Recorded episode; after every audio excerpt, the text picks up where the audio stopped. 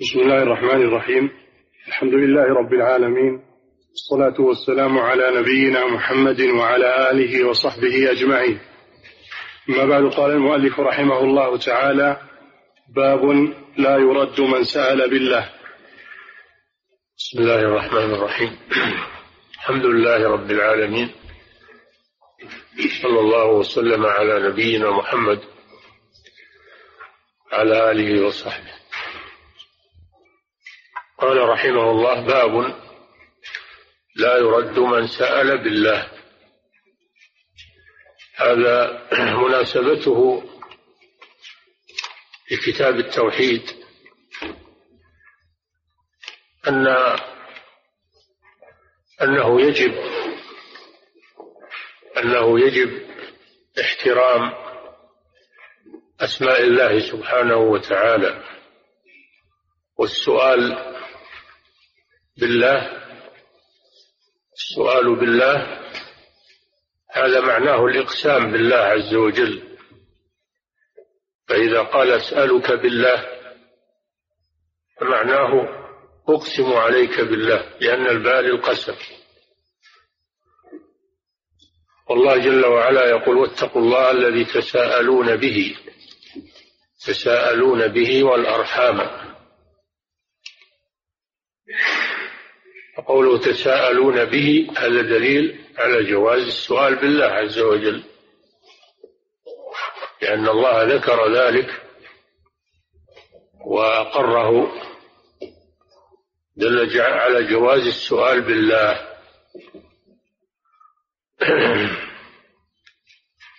وأن من سئل بالله فإنه يشرع له أن يعطي السائل. لأن ذلك تعظيم لله عز وجل وهذا من كمال التوحيد. وعدم إعطاء السائل بالله هذا نقص في التوحيد. لأنه لما جعل الله سبحانه وتعالى في سؤاله وأقسم به فإن إبرار المقسم من تعظيم حرمات الله عز وجل. إبرار المقسم بالله من تعظيم حرمات الله عز وجل. قد فصل العلماء رحمهم الله في حكم إجابة من سأل بالله. قالوا تارة يكون واجبا وتارة يكون مستحبا. فإذا كان السائل مضطرا محتاجا والمسؤول قادرا على تحقيق طلبه فإنه يجب إعطاؤه بهذين الشرطين أن يكون السائل محتاجا أو مضطرا وأن يكون المسؤول قادرا على على إعطائه. وأن ذلك لا يضره. فيجب عليه لأن هذا من احترام الله جل وعلا تعظيم الله عز وجل.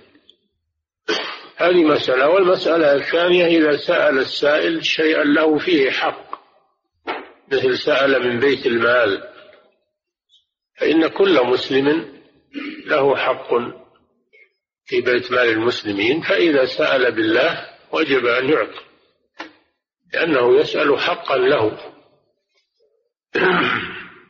ففي هاتين المسألتين يجب إجابة السائل بالله.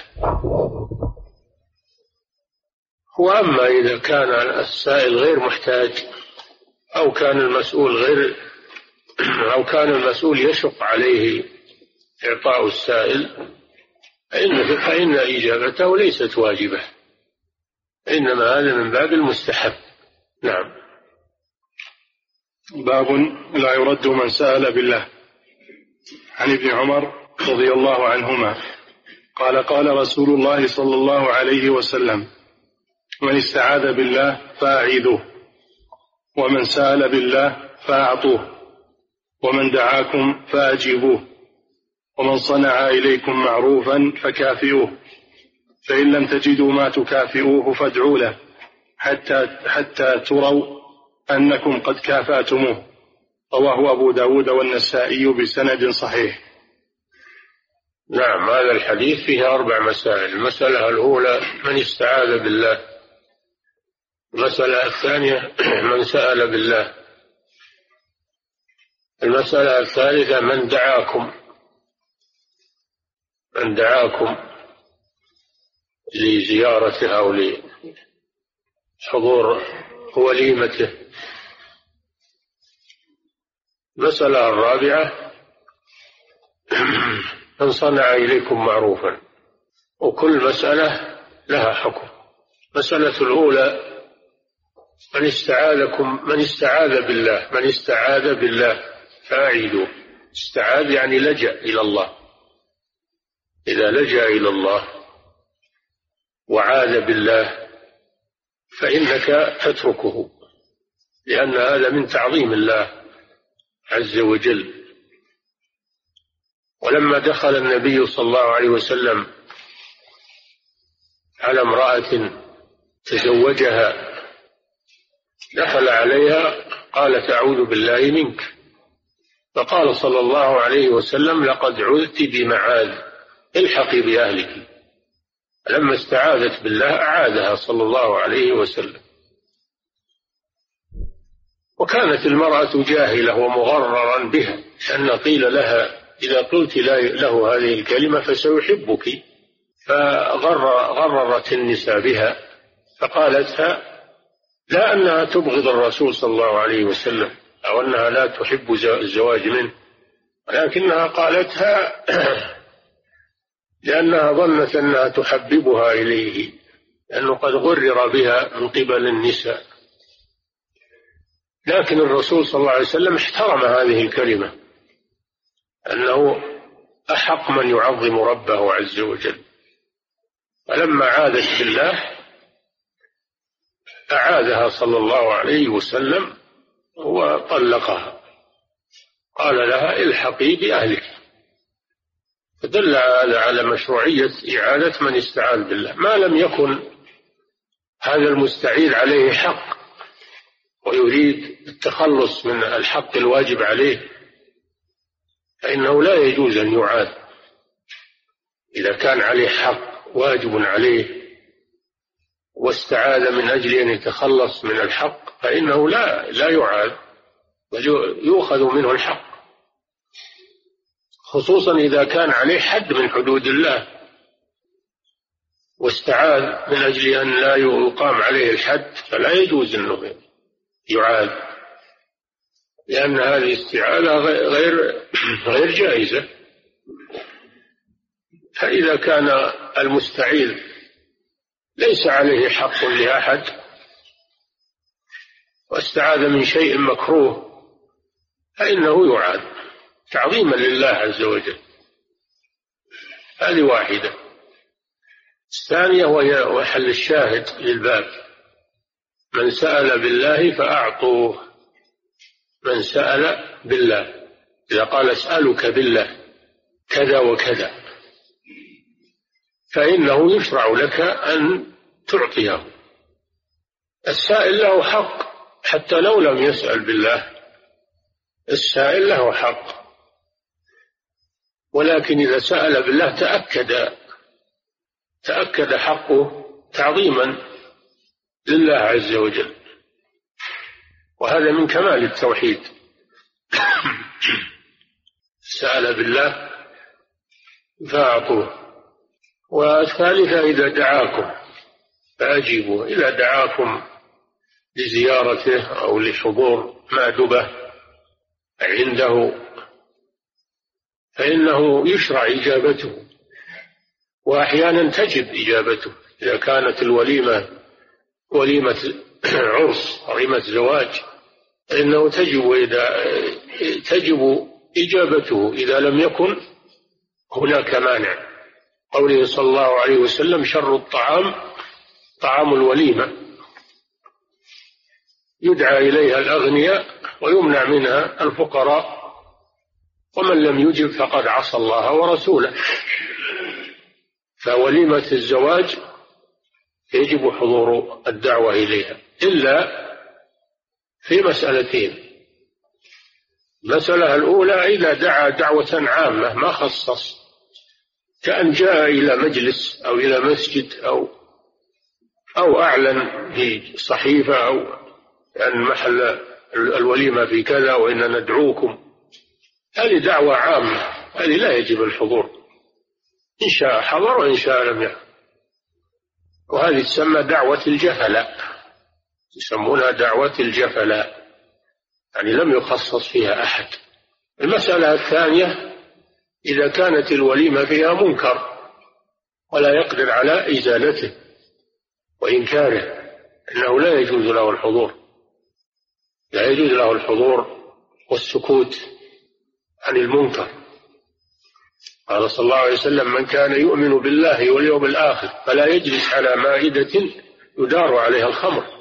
إذا كان في الوليمة أو في إجابة الدعوة حضور منكر لا يقدر على إزالته فإنه لا يحضر. أما إذا كانت الوليمة خالية من المنكر وعينه عينه بالدعوة قال يا فلان تحضر فإنه يحضر حتى ولو كان صائما. حتى ولو كان صائما يحضر. إذا كان الصيام صيام تطوع يحضر. فإن شاء أكل وأفطر وإن شاء دعا وانصرف. إذا كان الصيام صيام تطوع يجب عليه الحضور. فإن شاء أكل وأفطر لأن صيام التطوع يجوز يجوز نقضه. وإن شاء استمر على صيامه ودعا وانصرف. تطيبا لخاطر الداعي لأنه يحب حضور المدعو. فإذا حضر حصل المقصود. وهذا من حق المسلم على المسلم. حقوق المسلم كما قال صلى الله عليه وسلم ست. إذا عطس حمد الله تشمته إذا دعاك فأجبه إذا مرض فعده إذا مات فشيعه. من حقوق المسلمين على المسلمين بعضهم على بعض. المسألة الثالثة المسألة الرابعة. من صنع إليكم معروفا. من صنع إليكم معروفا. أي أسدى إليكم أسدى إليكم معروفا. ويدا وصنع لكم جميلا. فكافئوه. يعني ردوا عليه معروفه. اصنعوا له معروفا يماثل ما صنع لكم. اصنعوا له من المعروف ما يعادل ما صنعه لكم. مكافأة كافأة له. قوله تعالى هل جزاء الإحسان إلا الإحسان؟ حتى الكافر إذا صنع معروف إلى المسلم فإنه يكافئه. كما قال تعالى لا ينهاكم الله عن الذين لم يقاتلوكم في الدين ولم يخرجوكم من دياركم أن تبروهم تقسطوا إليهم. إن الله يحب المقسطين. الكافر إذا صنع إلى المسلم معروفا فإنه يكافئه. فكيف بالمسلم إذا صنع لك معروفا؟ كافئه يعني اصنع له من المعروف مثل ما صنع لك. ولا تجحد معروفه وتنكر فضله أو تتركه بدون مكافأة لأن هذا من اللؤم. ولا يليق هذا بصفات المسلم. فإن لم تجد ما تكافئه به عجزت عن مكافأته فهناك شيء لا يعجز عنه أحد وهو الدعاء بأن تدعو له. بأن تدعو له بالخير. والدعاء مقامه عظيم. قد يستجاب دعاؤك له فيكون أنفع له مما لو كافأته بعرض دنيوي. الدعاء مقامه عظيم لكنه لا يكفي لمن عنده استطاع إنما هو عوض عن عن الاستطاعة. وفي الحديث من صنع إلى أخيه معروفا فقال جزاك الله خيرا قد أبلغ في الثناء. قال جزاك الله خيرا قد أبلغ في الثناء. المهم أنك لا تترك لا تترك الصنيعة بدون مكافأة إما بمثلها أو أحسن منها وإما على الأقل بالدعاء لصانع المعروف. ولا يليق بالمسلم أن يصنع إليه المعروف ولا يكافئ عليه لا بمثله ولا بدعاء ولا ولا بثناء ولا بشيء. هذا لؤم وليس من صفات المسلم. فإن لم تجدوا ما تكافئوه ما تكافئوه. كذا ورد في الرواية. والأصل ما تكافئونه لأنه فعل مضارع تجرد عن الجازم عن الجازم والناصب فيرفع بثبوت النون. الفعل المضارع إذا تجرد عن الناصب والجازم عند أهل النحاة عند النحاة يرفع بثبوت النون. فالأصل فإن لم تجدوا ما تكافئونه. سقطت النون لا يدرى هل هي من الناسخ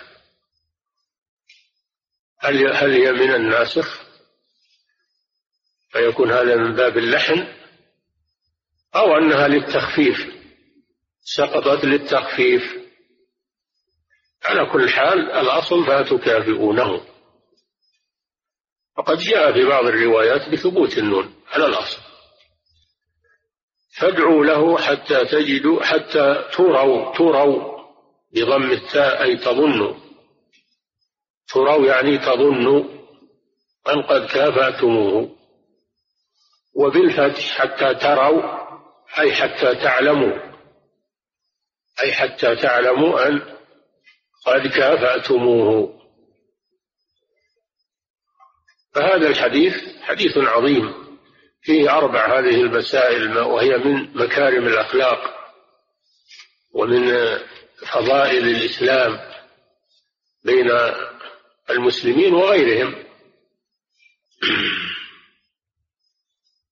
والشاهد منها قوله من سأل بالله فأعطوه هذا مطابق لقول المصنف رحمه الله لا يرد من سأل بالله نعم. قوله باب لا يرد من سأل بالله ظاهر الحديث النهي عن رد السائل إذا سأل بالله. نعم. ويحتمل أن يكون المراد فيما لا مشقة فيه على المسؤول ولا ضرر. اي نعم لابد من أنه ما يكون على المسؤول ضرر وأن يكون السائل أيضا محتاجا لما لما سأل. نعم. فيكون من باب مكارم الأخلاق ومعالي الشيم. نعم. وربما كان السائل محتاجا أو مضطرا. نعم. فيجب أن يعطى ما سأله. هذا هو التفصيل أنه إن كان محتاج أو مضطر والسائل والمسؤول يقدر والمقدور يس والمسؤول يقدر على إجابته فهذا واجب. نعم. فيجب أن يعطى ما سأله ويأثم المسؤول في منعه. نعم. فيؤخذ من ماله أضعاف ما منع على وجه يكرهه. نعم. فباعتبار هذه الأمور ينبغي لمن أعطاه الله نعمة أن يؤدي حق الله فيها ويعطي من سأله من فضول نعمة الله عليه. خصوصا نعم كما مر بكم في حديث الثلاثة الأقرع والأبرص والأعمى الذين جاءهم السائل وسألهم وأبدى لهم الحاجة وهو ملك جاءهم بصورة إنسان. فرده الأقرع والأبرص فغضب الله عليهما وأعطاه الأعمى فرضي الله عنه. نعم. فباعتبار هذه الأمور ينبغي لمن أعطاه الله نعمة أن يؤدي حق الله فيها ويعطي من سأله من فضول نعمة الله عليه. فضول يعني من الزوائد عن حاجته. الزوائد عن حاجته هذا من محاسن الأخلاق. وإذا أعطاه مما يحتاج ما يحتاجه هو فهذا من الإيثار وهو أفضل يعني أفضل من التكرم. ويؤثرون على أنفسهم ولو كان بهم خصاصة. نعم. خصوصا إذا سأل بالله تعالى. نعم. فيكون إعطاؤه تعظيما لمن سأل به وهو الله سبحانه وتعالى. اتقوا الله الذي تساءلون به. هذا أمر من الله جل وعلا. والأرحام على أنه منصوب على أنه مفعول. أي واتقوا الأرحام أن تقطعوها. وقرئ بالجر واتقوا الله الذي تساءلون به والأرحام. لكنها قراءة ضعيفة. ومعناها أنهم كانوا يتساءلون بالأرحام. فيقول أسألك بالله والرحم أن تعطيني كذا. نعم.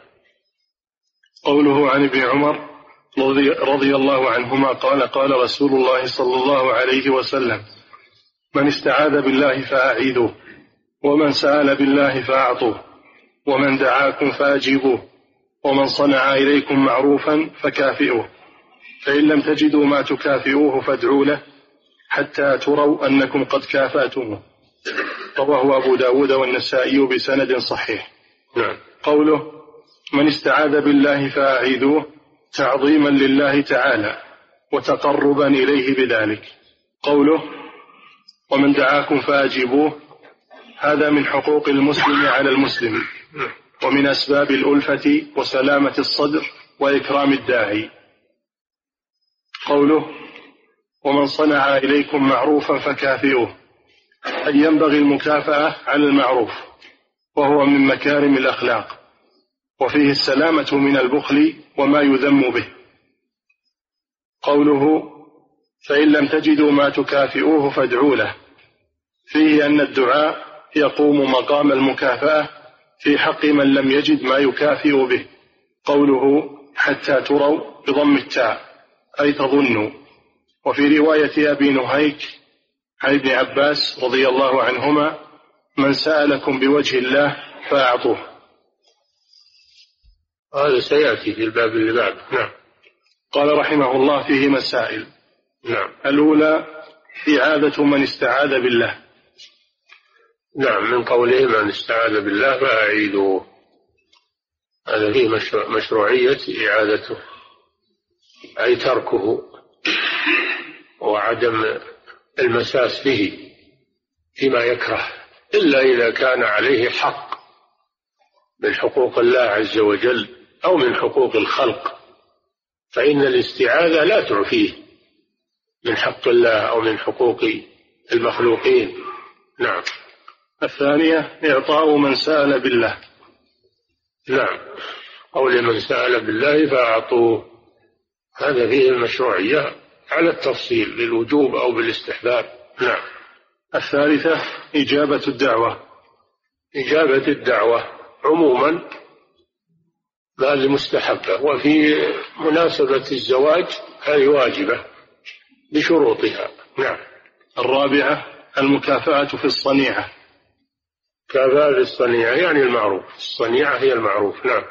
الخامسة أن الدعاء مكافأة لمن لم يقدر إلا عليه.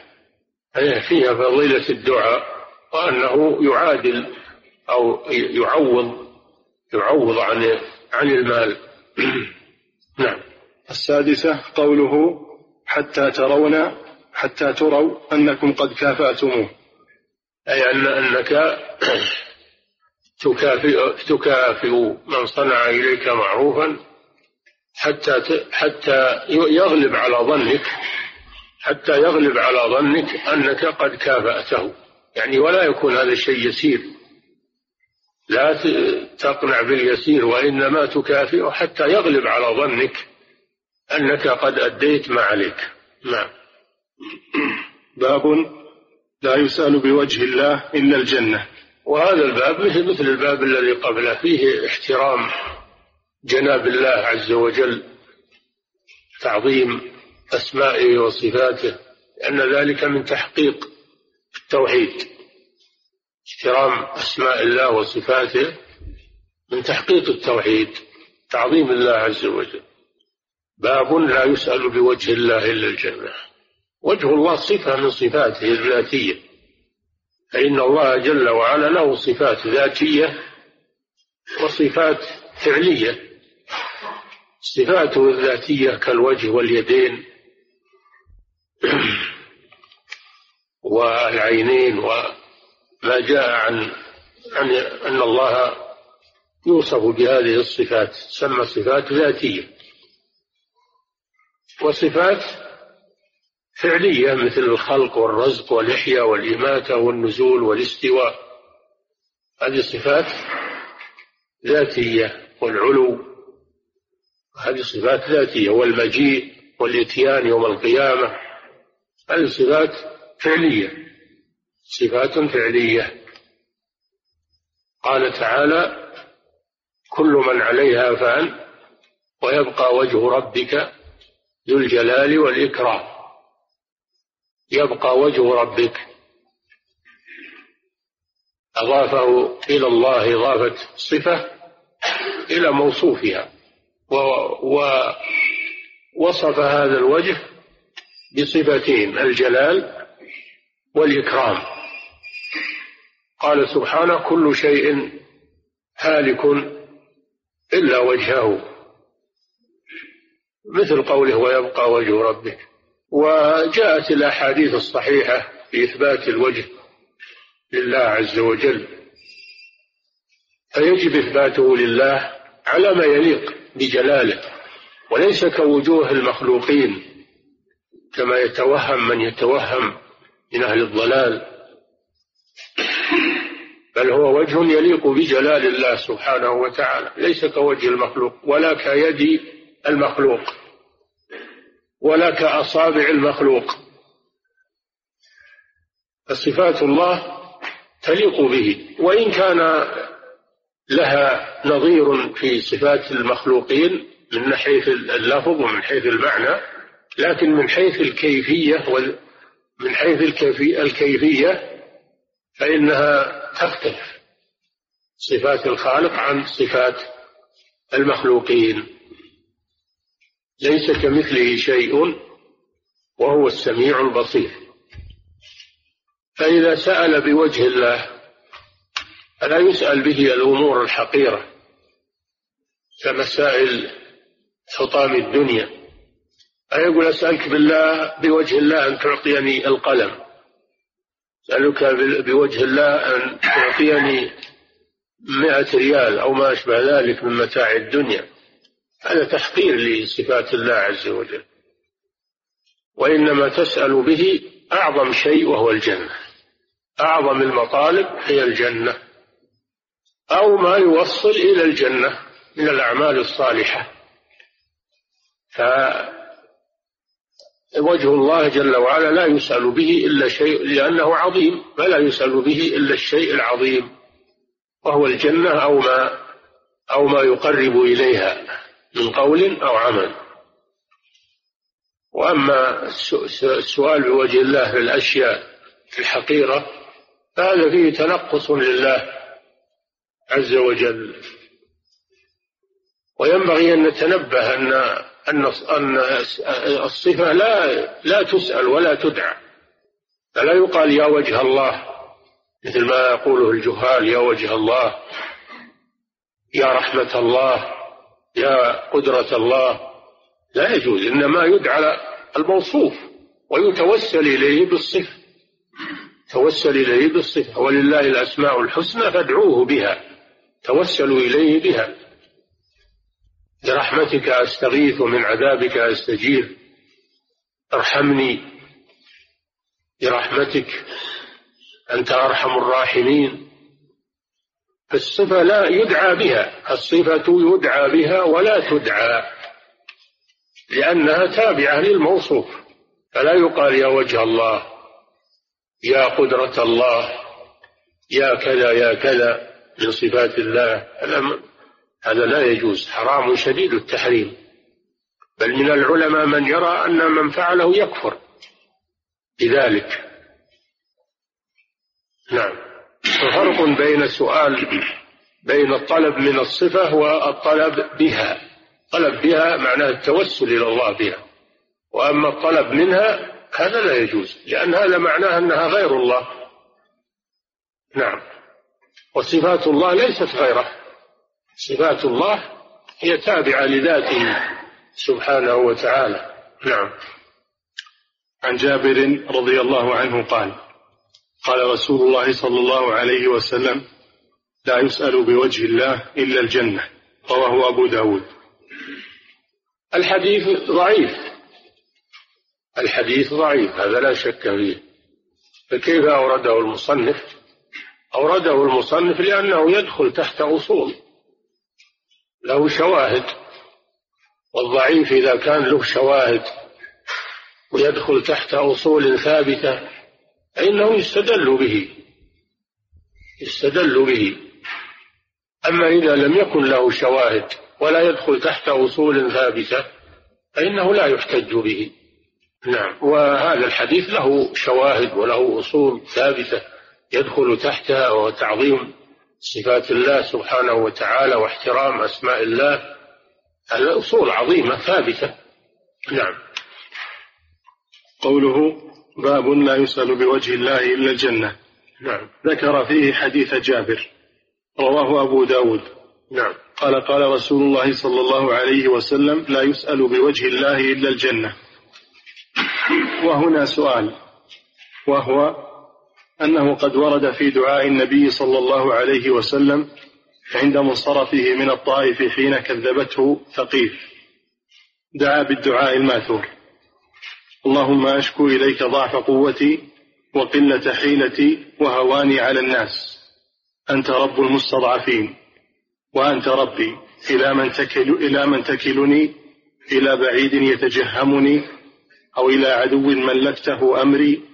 إن لم يكن بك غضب علي فلا أبالي غير أن عافيتك هي أوسع لي. أعوذ بنور وجهك الذي أشرقت له الظلمات وصلح عليه أمر الدنيا والآخرة أن يحل علي غضبك أو ينزل بي أو ينزل بي سخطك. لك العتبى حتى ترضى ولا حول ولا قوة إلا بالله. هذا الدعاء المشهور بدعاء الطائف لما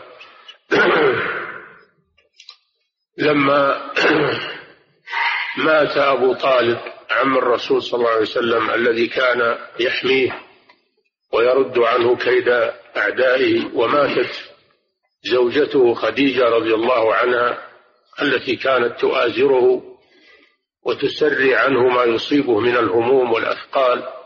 ماتوا في عام واحد فتسلط عليه المشركون.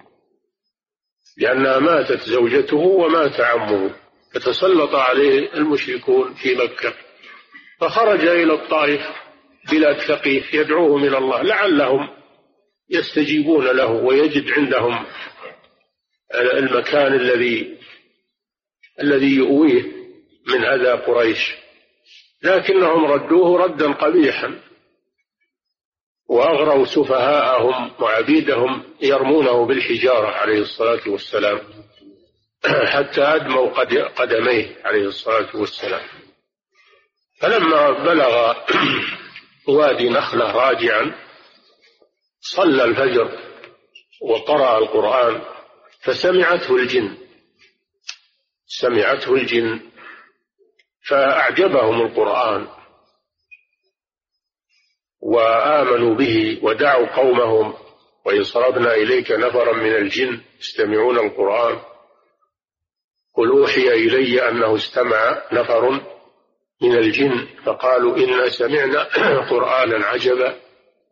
ودعا ربه بهذا الدعاء العظيم. الشاهد منها أعوذ بنور وجهك أعوذ بنور وجهك.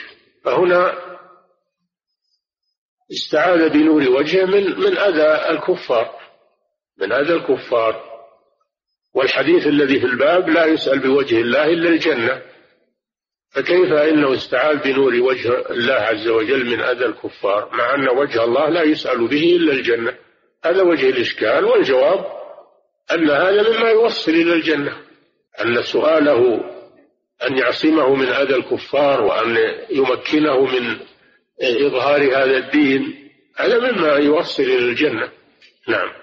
فإذا كان الشيء المسؤول يوصل إلى الجنة فلا بأس. نعم. والحديث المروي في الأذكار. اللهم أنت أحق من ذكر وأحق من عبد وفي آخره أعوذ بنور وجهك الذي أشرقت له السماوات والأرض ونحوه في الأحاديث المرفوعة. نعم. يعني الإشكال أنه كيف إن فيه السؤال بوجه الله غير الجنة. نعم. فيحتمل أن هذا فيما يكرهه العبد لا فيما يح... لا فيما يحبه ويتمناه. نعم. ويحتمل غير هذا. والله أعلم. الاحتمال الظاهر والصحيح أن أن أنه أن هذا مما يؤدي إلى الجنة. نصرة الرسول صلى الله عليه وسلم وظهور الإسلام وقمع الكفار هذا مما يؤدي إلى الجنة. نعم. قال رحمه الله فيه مسائل. الأولى النهي أن يسأل بوجه الله إلا غاية المطالب. وهي الجنة. نعم. الثانية إثبات صفة الوجه. هذا لا شك فيه. نعم. باب باب ما جاء في اللون نعم. الإيمان بالقضاء والقدر ركن من أركان الإيمان. الستة. قال صلى الله عليه وسلم الإيمان أن تؤمن بالله وملائكته وكتبه ورسله وتؤمن بالقدر خيره وشره. الإيمان أن تؤمن بالله وملائكته وكتبه ورسله واليوم الآخر وتؤمن بالقدر خيره وشره. فتؤمن بأن ما يحدث في هذا الكون من خير أو شر ومن محبوب أو مكروه أنه كله بقضاء الله وقدره. المصائب والأمراض والفقر تسلط الأعداء كله بقضاء الله وقدره لحكمة منه سبحانه وتعالى. والواجب على المسلم عند ما يصيبه ما يكره أن أن أن يؤمن بأن هذا بقضاء الله وقدره. وأنه لا بد أن يقع. ولا يتحسر ويتلوم ويقول لو لو إني فعلت كذا ما حصل كذا لو لو. هذا عند المصائب والمكاره لا يجوز الإتيان بلو بل يجب أن أن يؤمن بالقضاء والقدر. ولا يدري ما الخيرة فيه لعل الخيرة فيما فيما أصابه. وعسى أن تكرهوا شيئا وهو خير لكم. وعسى أن تحبوا شيئا وهو شر لكم. والله يعلم وأنتم لا تعلمون. فيجب على المسلم عند المكاره والمصائب أن يرضى بالقضاء والقدر ولا يتأسف ويتحسر ويقول لو أني فعلت كذا وكذا لو هذه ما تخلص. القضاء والقدر لا بد يقع. ولو فعلت ما فعلت ما ي... القضاء لا يدفعه أفعالك ولا تصرفاتك ما تدفع القضاء والقدر. فهذا فيه تلك يعني قول لو في باب في باب اللوم للقضاء والقدر فيه تنقص للتوحيد. وفيه عدم أو ضعف إيمان بالقضاء والقدر. وذلك مما ينافي التوحيد أو ينقص التوحيد. فالواجب التسليم لله عز وجل. عند المقادير وأن يرضى بذلك ويسلم الذين إذا أصابتهم مصيبة قالوا إنا لله وإنا إليه راجعون. قضاء الله وقدره الاحتجاج بالقدر عند المصائب هذا مطلوب. أما الاحتجاج بالقدر على المعاصي هذا حرام ولا يجوز لأن المعاصي من فعلك أنت والواجب أنك تتركها.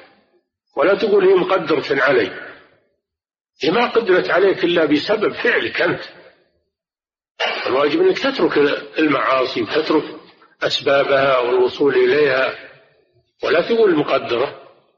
هي مقدرة لكن ما هو بعذر لك. القدر ما هو بعذر لك. أما المصائب التي ليس لك فيها اختيار وليس لك فيها تدبير فتسندها إلى الله عز وجل وترضى وتسلم. هذا هو سبيل المؤمنين. هذا هو سبيل المؤمنين. وهذا الباب هو من هذا من هذا القبيل. نعم. أن الرضا بالقضاء والقدر أنه من مكملات التوحيد أو من أصول التوحيد و... وأركان الإيمان. نعم. باب ما جاء في اللو. في اللو يعني لو كلمة لو. أدخل عليها المصنف ال وهي لا تدخل إلا على الأسماء ما تدخل على الحروف ولو حرف. لكن هذا من باب التسامح في التعبير. وإلا أصلها لو بدون ال اللو. لأن ال التعريفية لا تدخل إلا على الأسماء لا تدخل على الأفعال. ولا تدخل على الحروف ولو حرف امتناع لامتناع.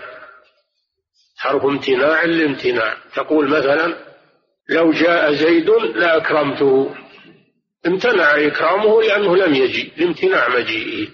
حرف امتناع لامتناع. أما لولا فهي حرف امتناع لوجود. حرف امتناع لوجود. لولا الله ما اهتدينا.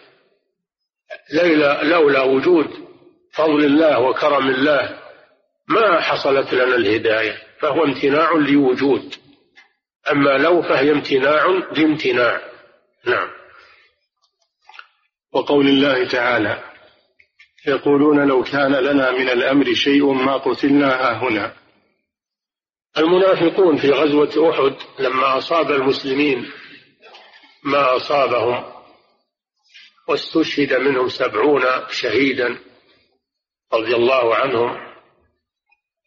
المنافقون لم يرضوا بقضاء الله وقدره ويقولون لو كان لنا من الأمر شيء ما قتلنا. ها هنا. يلومون الرسول صلى الله عليه وسلم وأنه خرج بهم. خرج بهم وهم لا يريدون الخروج يريدون أن يقاتلوا في المدينة. قيل إن الذي قال هذه المقالة هو عبد الله بن ابن أبي. عبد الله بن أبي رأس المنافقين. لو كان لنا من الأمر شيء ما قتلنا. فجعل قتلهم بسبب أنهم لا لم يستشاروا. وهل هذا صحيح؟ أن الموت والقتل أنه يرجع إلى تصرفات الناس؟ ما هو صحيح الموت بيد الله والقتل بيد الله عز وجل. لو كان لنا من الأمر شيء ما قتلنا هنا. رد الله عليهم بقوله قل لو كنتم في بيوتكم لبرز الذين كتب عليهم القتل إلى مضاجعهم. فبقاؤكم في المدينة أو في بيوتكم لا ينجيكم من الموت. إذا قدر الله عليكم الموت خرجتم من بيوتكم.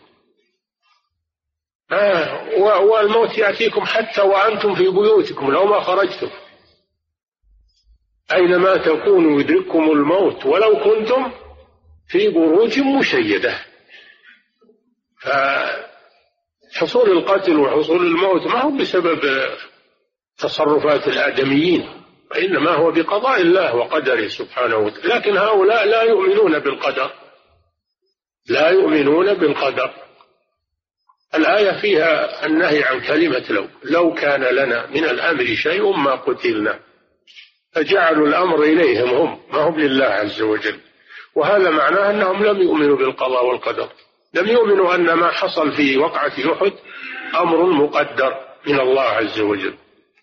وإنما هو بسبب وإنما هو بسبب مخالفة رأيهم. مخالفة الرسول والصحابة لرأيهم وخروجهم إلى القتال. وقوله الذين قالوا لإخوانهم وقاعدوا لو أطاعونا ما قتلوا. الآية. الذي قال المقالة الأولى على الصحيح هو المعتب بن قشير من من من المنافقين. من المنافقين. والذي قال المقالة الثانية هو عبد الله بن أبي بن سلول. لو أطاع الذين قالوا لإخوانهم الذين قتلوا في وقعة أحد. لو أطاعونا يعني بقوا في المدينة ولم يخرجوا ما قتلوا. وهل هذا صحيح؟ أن هل يبقى في المدينة ما يقتل ولا يأتيه الموت؟ هذا ما هو صحيح. الموت ما ينجي منه شيء. والقتل إذا كتبه الله لا ينجي منه شيء. أبدا. لو أطاعونا ما قتلوا. رد الله عليهم بقوله قل فادرأوا عن أنفسكم الموت إن كنتم صادقين. إذا كنتم تدرؤون الموت عن هؤلاء فادرأوا عن أنفسكم أنتم أولى. وأنتم لا تستطيعون أن تمنعوا الموت من أنفسكم فكيف تمنعونه من غيركم؟ الرد واضح من القرآن الكريم. والحاصل أن هذه مقالات المنافقين وفيها لوم للقضاء والقدر.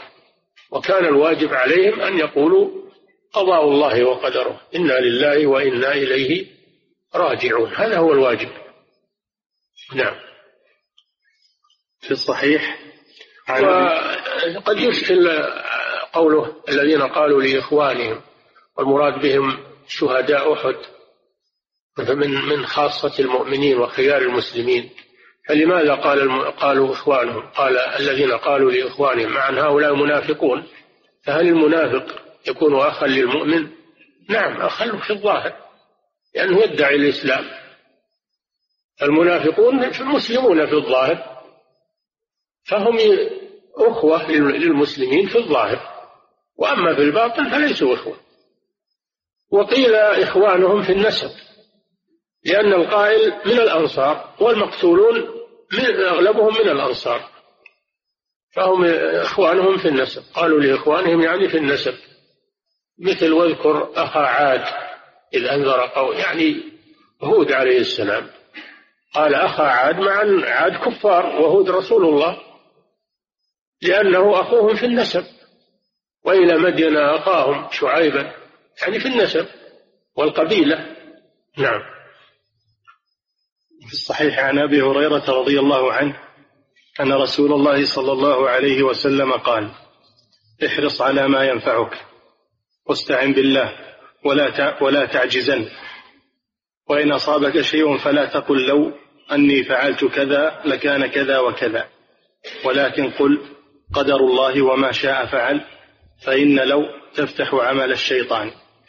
هذا حديث عظيم وأصل عظيم ومنهج يسير عليه المسلم. قال صلى الله عليه وسلم المؤمن القوي خير وأحب إلى الله من المؤمن الضعيف وفي كل خير. احرص على ما ينفعك واستعن بالله ولا تعجزن. فإن أصابك شيء فلا تقل لو أني فعلت كذا وكذا لكان كذا وكذا. ولكن قل قدر الله أو قدر الله وما شاء فعل. هذا حديث عظيم ومنهج عظيم يسير عليه المسلم المؤمن القوي القوي في إيمانه والقوي في بدنه والقوي في رأيه هذا خير لأن نفعه يتعدى للمسلمين. قوته في الرأي وقوته في البدن وقوته في الإيمان تتعدى لنفع المسلمين. فهو خير من المؤمن الضعيف في بدنه أو في رأيه أو في إيمانه. مع أن المؤمن ولو كان ضعيفا فهو محبوب إلى الله عز وجل لكن القوي أحب منه. فهذا فيه إثبات المحبة لله عز وجل وأن الله يحب المؤمنين يحب المؤمنين لكنه يحب المؤمن القوي أكثر من محبته للمؤمن الضعيف.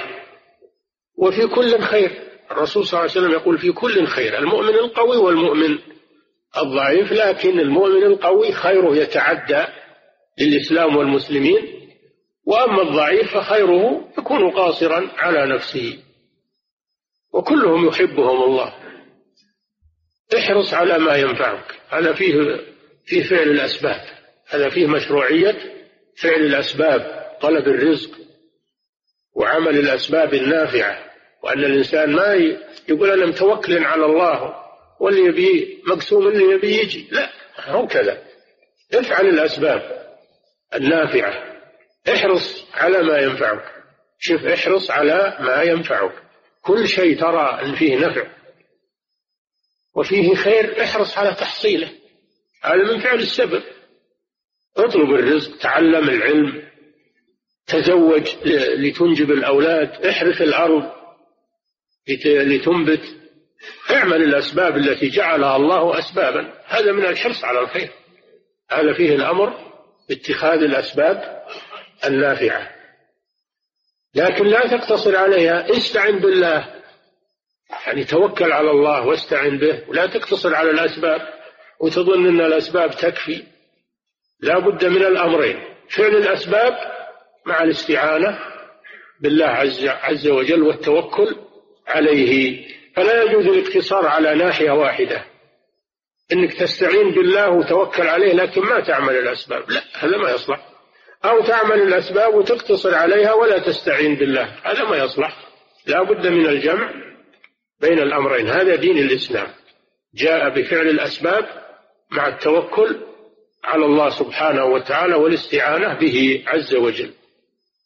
ثم قال ولا تعجزن. هذا فيه النهي عن العجز وهو الكسل. العجز الكسل والخمول هذا منهي عنه. والنبي صلى الله عليه وسلم استعاذ بالله من العجز والكسل ومن الجبن والبخل. استعاذ بالله لأن هذا صفة ذم. أما العجز اللي ما للإنسان فيه قدرة مثل المرض مثل عجز البدن العجز البدني هذا ما يؤاخذ عليه الإنسان. لا يكلف الله نفسا إلا وسعها. لكن المراد بالعجز هنا العجز الذي هو الكسل والخمول والميل إلى الراحة هذا لا يجوز. تعطيل الأسباب. فإن أصابك شيء يعني مما تكره ما حصلك المطلوب أنت فعلت السبب واستعنت بالله ولم تعجز لكن ما حصل المطلوب. سلم للقضاء والقدر. أنت فعلت اللي بقدرك واستطاعك وبقي الذي في جانب الله عز وجل. أين أصابك شيء فلا تقل لو لو أني فعلت كذا وكذا مثل قول المنافقين لو كان لنا من الأمر شيء ما قتلنا هنا. قالوا لإخوانهم وقعدوا لو أطاعونا ما قتلوا. فلو في الآيتين وفي الحديث مذمومة لأنها تسخط على القضاء والقدر وهذا نقص في التوحيد أو مناف للتوحيد. إذا قالها من لا يرى القضاء والقدر فهذا كافر. أما إذا قالها من يرى القضاء والقدر لكنه ضعيف الإيمان فهذا ناقص الإيمان. هذا ناقص الإيمان. فكلمة لو لا يؤتى بها مع المصائب ومع حصول المكاره وإنما يسند هذا إلى قضاء الله وقدره. لو أني فعلت لكان كذا وكذا ولكن قل عندما يصيبك ما تكره أو إذا لم يحصل لك المطلوب قل قدر الله وما شاء فعل. وفي رواية قدر الله وما شاء فعل. فترد هذا إلى القضاء والقدر. وهذا يريحك من الوساوس. ولهذا قال صلى الله عليه وسلم فإن لو تفتح عمل الشيطان. فإذا رجعت هذا إلى القضاء والقدر فإن هذا يريحك ويسد عليك يسد على الشيطان باب الوساوس التي يزعجك بها. فإن لو تفتح عمل الشيطان هذا حديث عظيم ومنهج منهج عظيم يسير عليه المسلم في حياته في أمور دينه وأمور وأمور دنياه وهو من كمال التوحيد. بل هو أعظم أنواع التوحيد. لكن قد يشكل قوله صلى الله عليه وسلم في لما أمر أصحابه في في حجة الوداع لما طافوا وسعوا الذين لم يسوقوا الهدي أمرهم أن أن يقصوا من رؤوسهم وأن يجعلوها عمرة. حولوا يحولوا التمتع والإفراد أي يحولوا القرآن والإفراد إلى إلى تمتع. وقال لو استقبلت من أمري ما استدبرت لأحللت معكم ولجعلتها عمرة. لما سوق الهدي. لأن الذي منعه هو سوق الهدي. لأن الذي يسوق الهدي من الحل يبقى على إحرامه. وهكذا صنع الرسول صلى الله عليه وسلم. بقي على إحرامه لأنه ساق الهدي من الحل. والذي يسوق الهدي من الحل لا يحل من إحرامه حتى يذبح الهدي يوم النحر ولا تحلقوا رؤوسكم حتى يبلغ الهدي محله يعني يوم النحر. الرسول تأسف وقال لو استقبلت من أمري ما استدبرت لما سقت الهدي ولا أحللت معكم وجعلتها عمرة. قال فأتى بكلمة لو نقول هذا ليس من باب الاعتراض على القضاء والقدر وإنما هذا من باب بيان الأفضل. هذا من باب بيان الأفضل. يقول لو لو إني علمت فضل التمتع لا ما سقت الهدي الذي يمنعني من التمتع. لو إني علمت فضل فضل التمتع قبل أن يتبين له صلى الله عليه وسلم لما سقت الهدي الذي يمنعني منه. لأنه أفضل الأنساك التمتع. فهذا من باب بيان الأفضل والتأسف على فعل الخير. فالإنسان يلوم نفسه إذا فاته فاتته الطاعة أو فاته الخير فاته قيام الليل فاته الجهاد في سبيل الله يلوم نفسه على على ترك الخير. ما يقول هذا قضاء وقدر ويترك الطاعة ويترك العبادة يقول قضاء وقدر. لا بل يلوم نفسه. أنها قصرت في جانب الله وأنها وأن هذا محمود من المسلم. نعم ففي فرق بين هذا وهذا. نعم.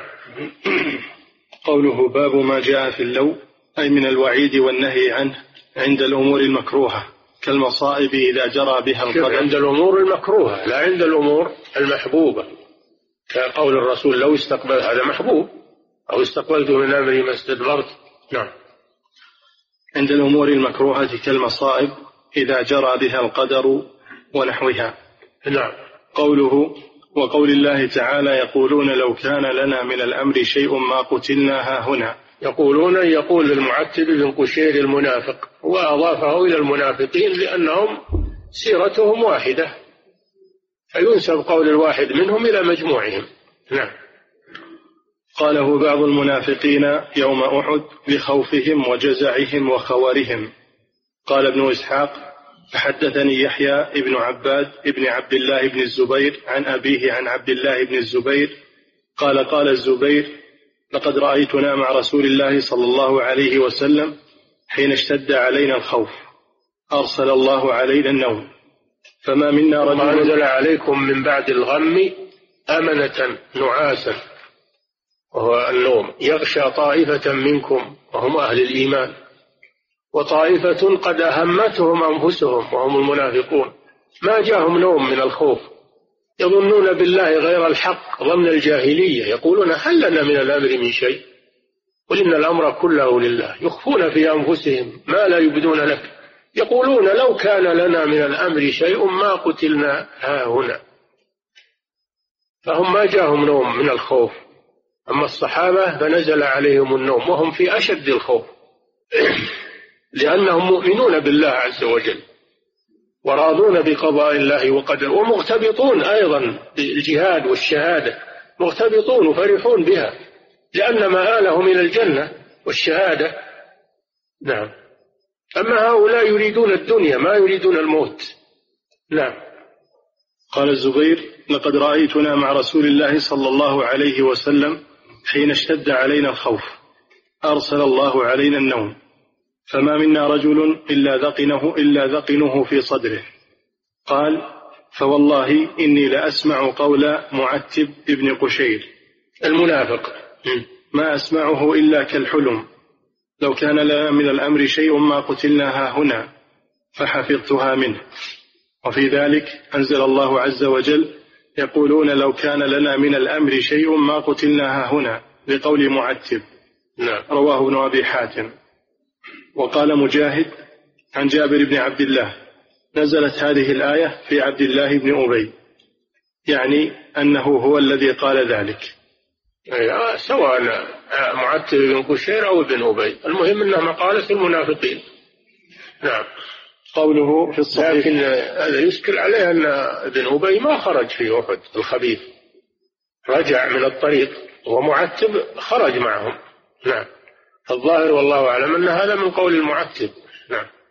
نعم. قوله في الصحيح عن أبي هريرة رضي الله عنه أن رسول الله صلى الله عليه وسلم قال احرص على ما ينفعك واستعن بالله ولا تعجزن. وإن أصابك شيء فلا تقل لو أني فعلت كذا لكان كذا وكذا ولكن قل قدر الله وما شاء فعل فإن لو تفتح عمل الشيطان. اختصر المصنف هذا الحديث وتمامه المؤمن القوي خير وأحب إلى الله من المؤمن الضعيف وفي كل خير. إلى آخره. حديث عظيم هذا ومنهج منهج عظيم. نعم. قوله احرص على ما ينفعك أي في دنياك وأخراك. اي يعني كل ما ينفعك ما ينفعك هذا عام لأمور الدين وأمور الدنيا. نعم. وخص ما ينفع دون ما ليس كذلك مما فيه ضرر أو عدم نفع وذلك لا يخرج عن الواجب والمستحب والمباح إذا كان نافعا.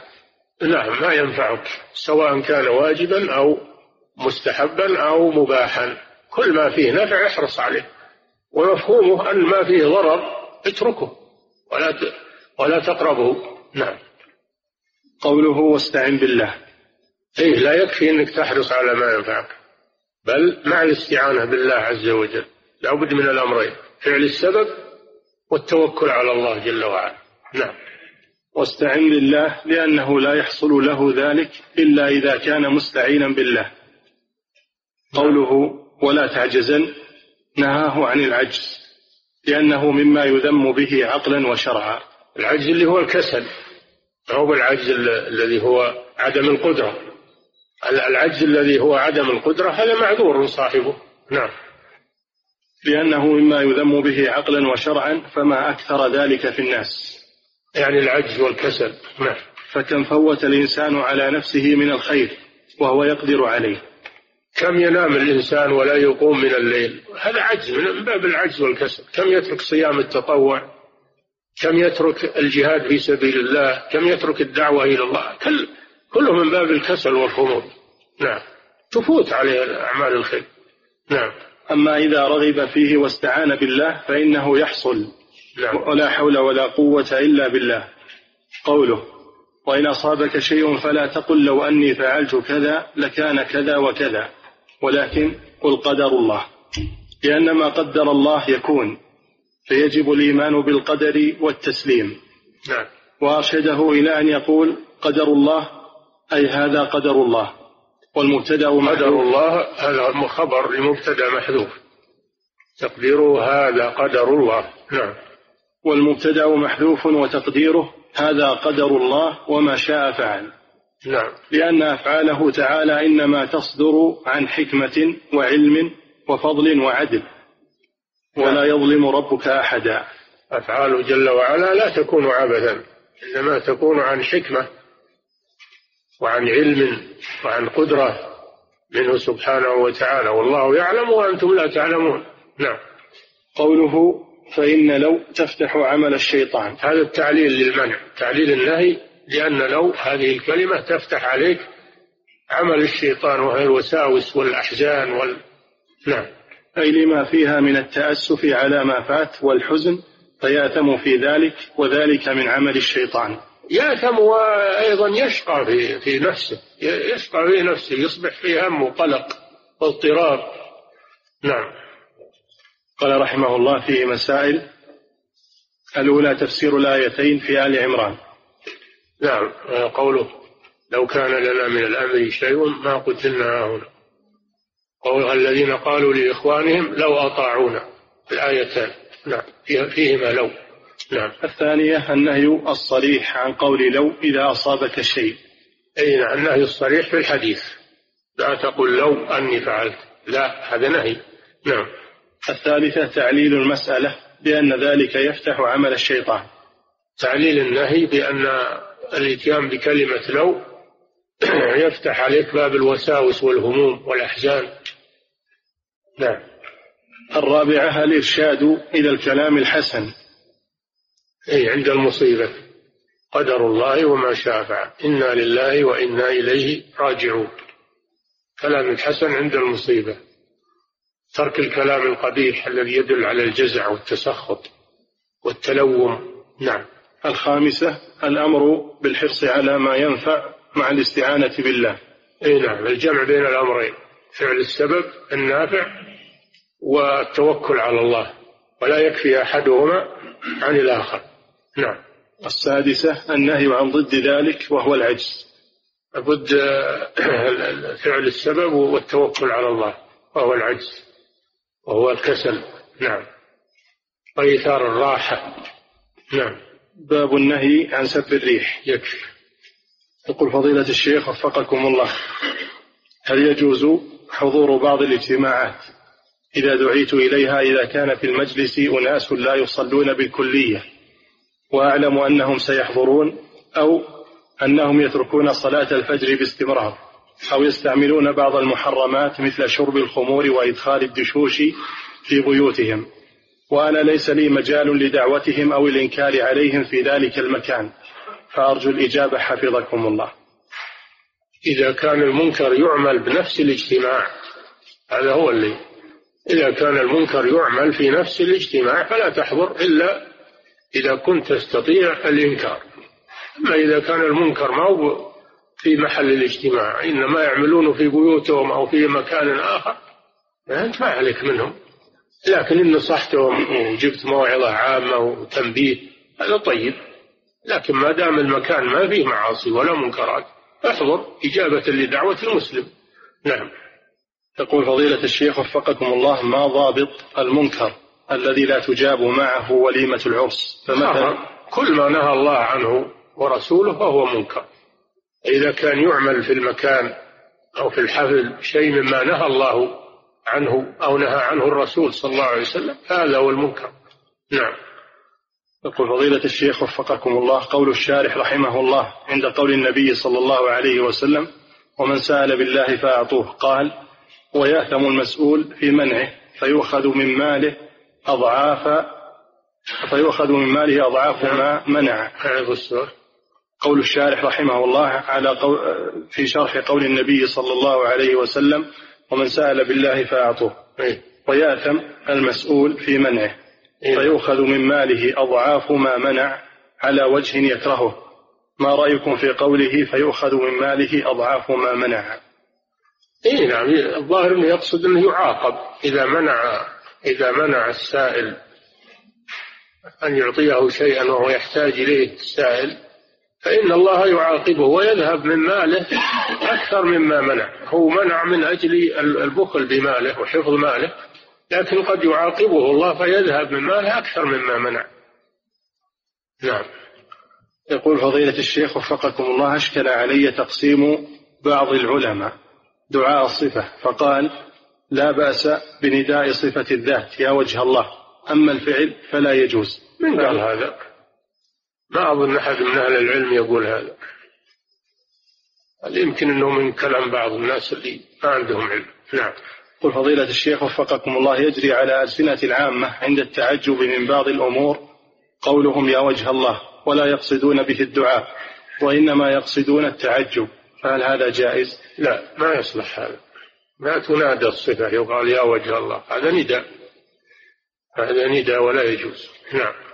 يقول فضيلة الشيخ وفقكم الله في الرقية الشرعية إذا كذب الجني عدة مرات ولم يخرج وفي المرة الثالثة سأل واستعاذ هذا الجني بالله فهل يعفى عنه؟ ما هذا هذا معتدي إذا استعاذ بالله وهو معتدي ما يعود هذا قلنا في الدرس قلنا إذا كان إذا كان المستعيذ يريد منع الحق الذي عليه أو عدم إقامة الحق الذي عليه للناس هذا لا يعود يؤخذ منه الحق ويعاقب. نعم. يقول فضيلة الشيخ وفقكم الله ما حكم القول عند المصائب؟ اللهم إني لا أسألك رد القضاء ولكن أسألك اللطف فيه. هذا الدعاء يقال لكن أنا ما أعرف له أصل أنا ما أعرف لهذا الدعاء أصل والأصل أنه ما يؤتى بدعاء إلا إذا كان ثابتا عن رسول الله صلى الله عليه وسلم. الله جل وعلا يقول الذين إذا أصابتهم مصيبة قالوا إنا لله وإنا إليه راجعون. فيقول هذا أو يقول ما قال الرسول صلى الله عليه وسلم قدر الله وما شاء فعل. نعم. يقول فضيلة الشيخ وفقكم الله دعاء النبي صلى الله عليه وسلم اللهم أشكو إليك ضعف حيلتي. هل يشرع للمسلم أن يحفظه وأن يقوله عند المصائب؟ طيب لا بأس. هو الحديث فيه ضعف الحديث ضعيف.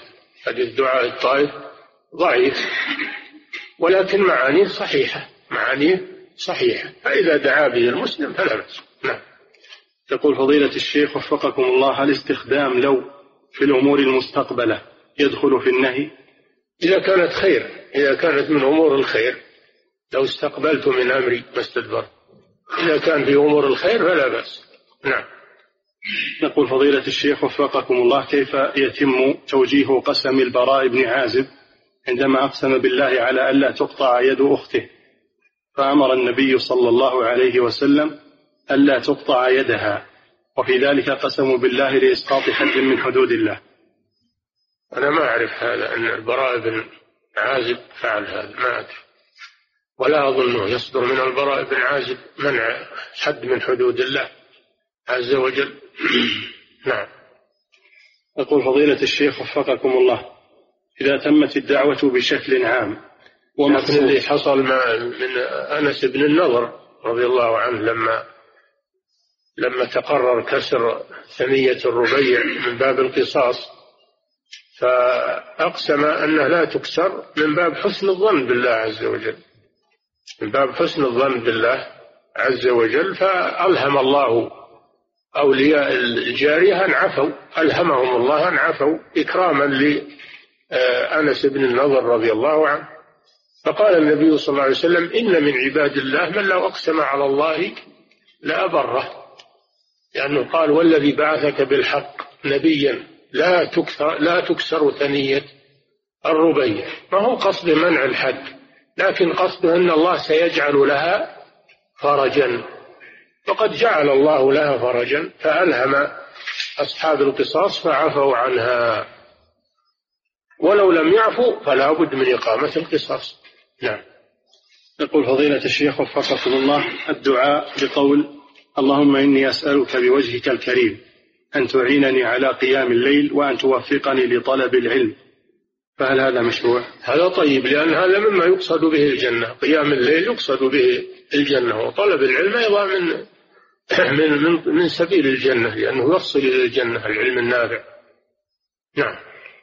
يقول فضيلة الشيخ وفقكم الله هناك من يقول إن الوجه قد يقصد به الذات ويستدل على هذا القول بقوله سبحانه كل شيء هالك إلا وجهه. أبدا. كل شيء هالك إلا وجهه مثل قوله ويبقى وجه ربه. لا فرق بينهما. فيه إثبات الوجه لله وكون الوجه تارة يقصد به الذات لا يصار إلى هذا. إحنا نعمل بدلالة اللفظ والوجه على حقيقته ما تحصل به المواجهة. نعم. يقول فضيلة الشيخ وفقكم الله إذا تمت الدعوة بشكل عام ومخصوص في في آن واحد نعم. إذا تمت الدعوة بشكل عام ومخصوص في آن واحد كان يدخل الرجل في المجلس ويقول جميع من في المجلس مدعو لحضور الوليمة ولا أحد غيرهم. ما هذه دعوة عموم جفلة ما, ما يتعين على كل واحد. إلا لا قال يا فلان. يا فلان تحضر. نعم.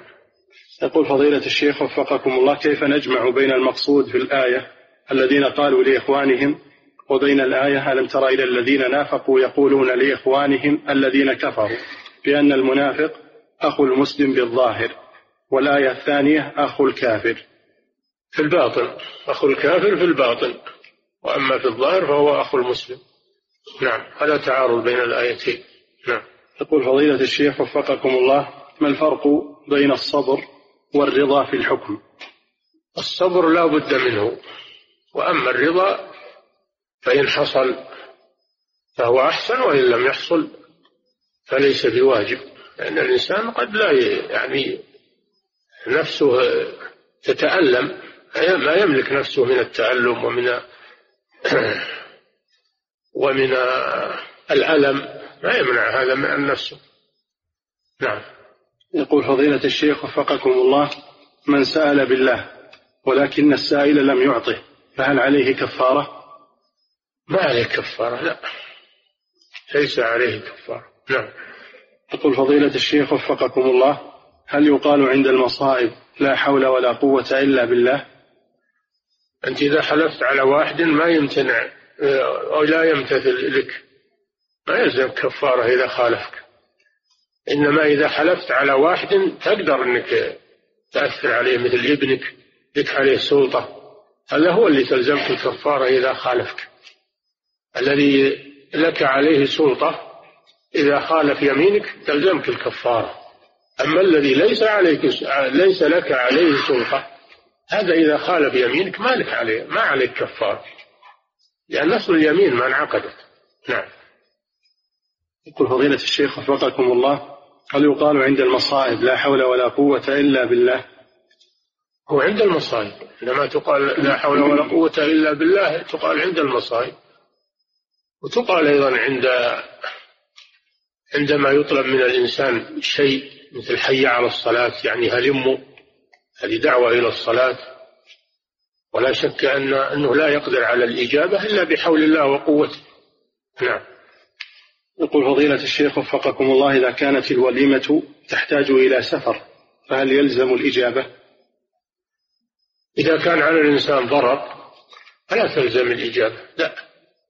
إذا ما إذا إذا كان الإجابة ممكنة ولا عليه ضرر منها فلا بأس. أما إذا كان عليه ضرر وخسارة ونفقات سفر هذا ما يلزمه. نعم. يقول فضيلة الشيخ وفقكم الله إذا دعي أحد الأشخاص إلى إفطار أو غداء عادي وهو صائم صوم تطوع فهل يفطر وتجب الدعوة؟ وإذا كانت لا تجب فما هو الأفضل في حقه؟ هذا في وليمة العرس. وليمة العرس يحضر ولو كان صائما وإن شاء أكل وإن شاء دع. أما غير وليمة العرس فلا يلزمه الحضور. ما يلزمه الحضور؟ حضور مستحب. نعم. يقول فضيلة الشيخ وفقكم الله كيف الجمع بين قول النبي صلى الله عليه وسلم من صنع إليكم معروفا فكافئوه وبين نهيه عليه الصلاة والسلام عن إهداء الشافع الذي شفع لك هدية وأنه من أبواب الربا. هذا معروف غير غير الشفاعة يخصص من صنع إليكم معروفا يعني غير الشفاعة. أما الشفاعة فلا يجوز أخذ أخذ الهدية عنها لأن الشفاعة عقد إرفاق وإحسان إلى الناس. يقصد بها الثواب من الله عز وجل. فيخصص نعم. يقول فضيلة الشيخ وفقكم الله ما حكم الجمع بين الظهر والعصر في الحضر وعند نزول المطر؟ أم توضيح ذلك لا سيما وأن بعض المدارس في هذا اليوم قد جمعت. لا ما ما يصلح هذا. الجمهور على أنه ما يجمع بين الظهر والعصر للمطر إنما السنة وردت بالمغرب والعشاء لأن الناس يحتاجون إلى الكن والنوم في بيوتهم. أما في النهار الناس يشتغلون الناس يشتغلون ما هم جالسين ببيوتهم. فالصحيح إنه ما يجمع بين الظهر والعصر. هذا مذهب الجمهور. إن كان بعض العلماء أفتى بذلك لكن لا شك إن العبرة بالدليل هو برأي فلان ولا فلان. نعم. يقول فضيلة الشيخ وفقكم الله رجل فاته الرمي في اليوم الثالث عشر ولم يرمي إلا بعد المغرب أي ليلة الرابع عشر فهل رميه صحيح؟ وإذا كان ليس صحيحا فماذا عليه؟ لا ليس صحيحا. إذا غربت الشمس اليوم الثالث عشر انتهى الرمي. فيكون عليه فدية يكون عليه فدية بدل رمي يوم الثالث لأنه ما وقته ما بين زوال الشمس إلى غروب الشمس هذا وقته. ففاته فيكون عليه فدية بدله يذبحها في مكة ويوزعها على فقراء الحرم. نعم. يقول فضيلة الشيخ وفقكم, وفقكم الله هل المراد من سوق الهدي من الحل المراد به المجيء بها من قبل من قبل الميقات أو من خارج حدود الحرم. من خارج حدود الحرم. من الحل يعني من خارج حدود الحرم. لو شراه من عرفات أو من الشرائع هذا من الحل. أو من الجعرانة أو من الحليفة هذه خارج حدود الحرم. فلا يجوز له التحلل إلا يوم العيد.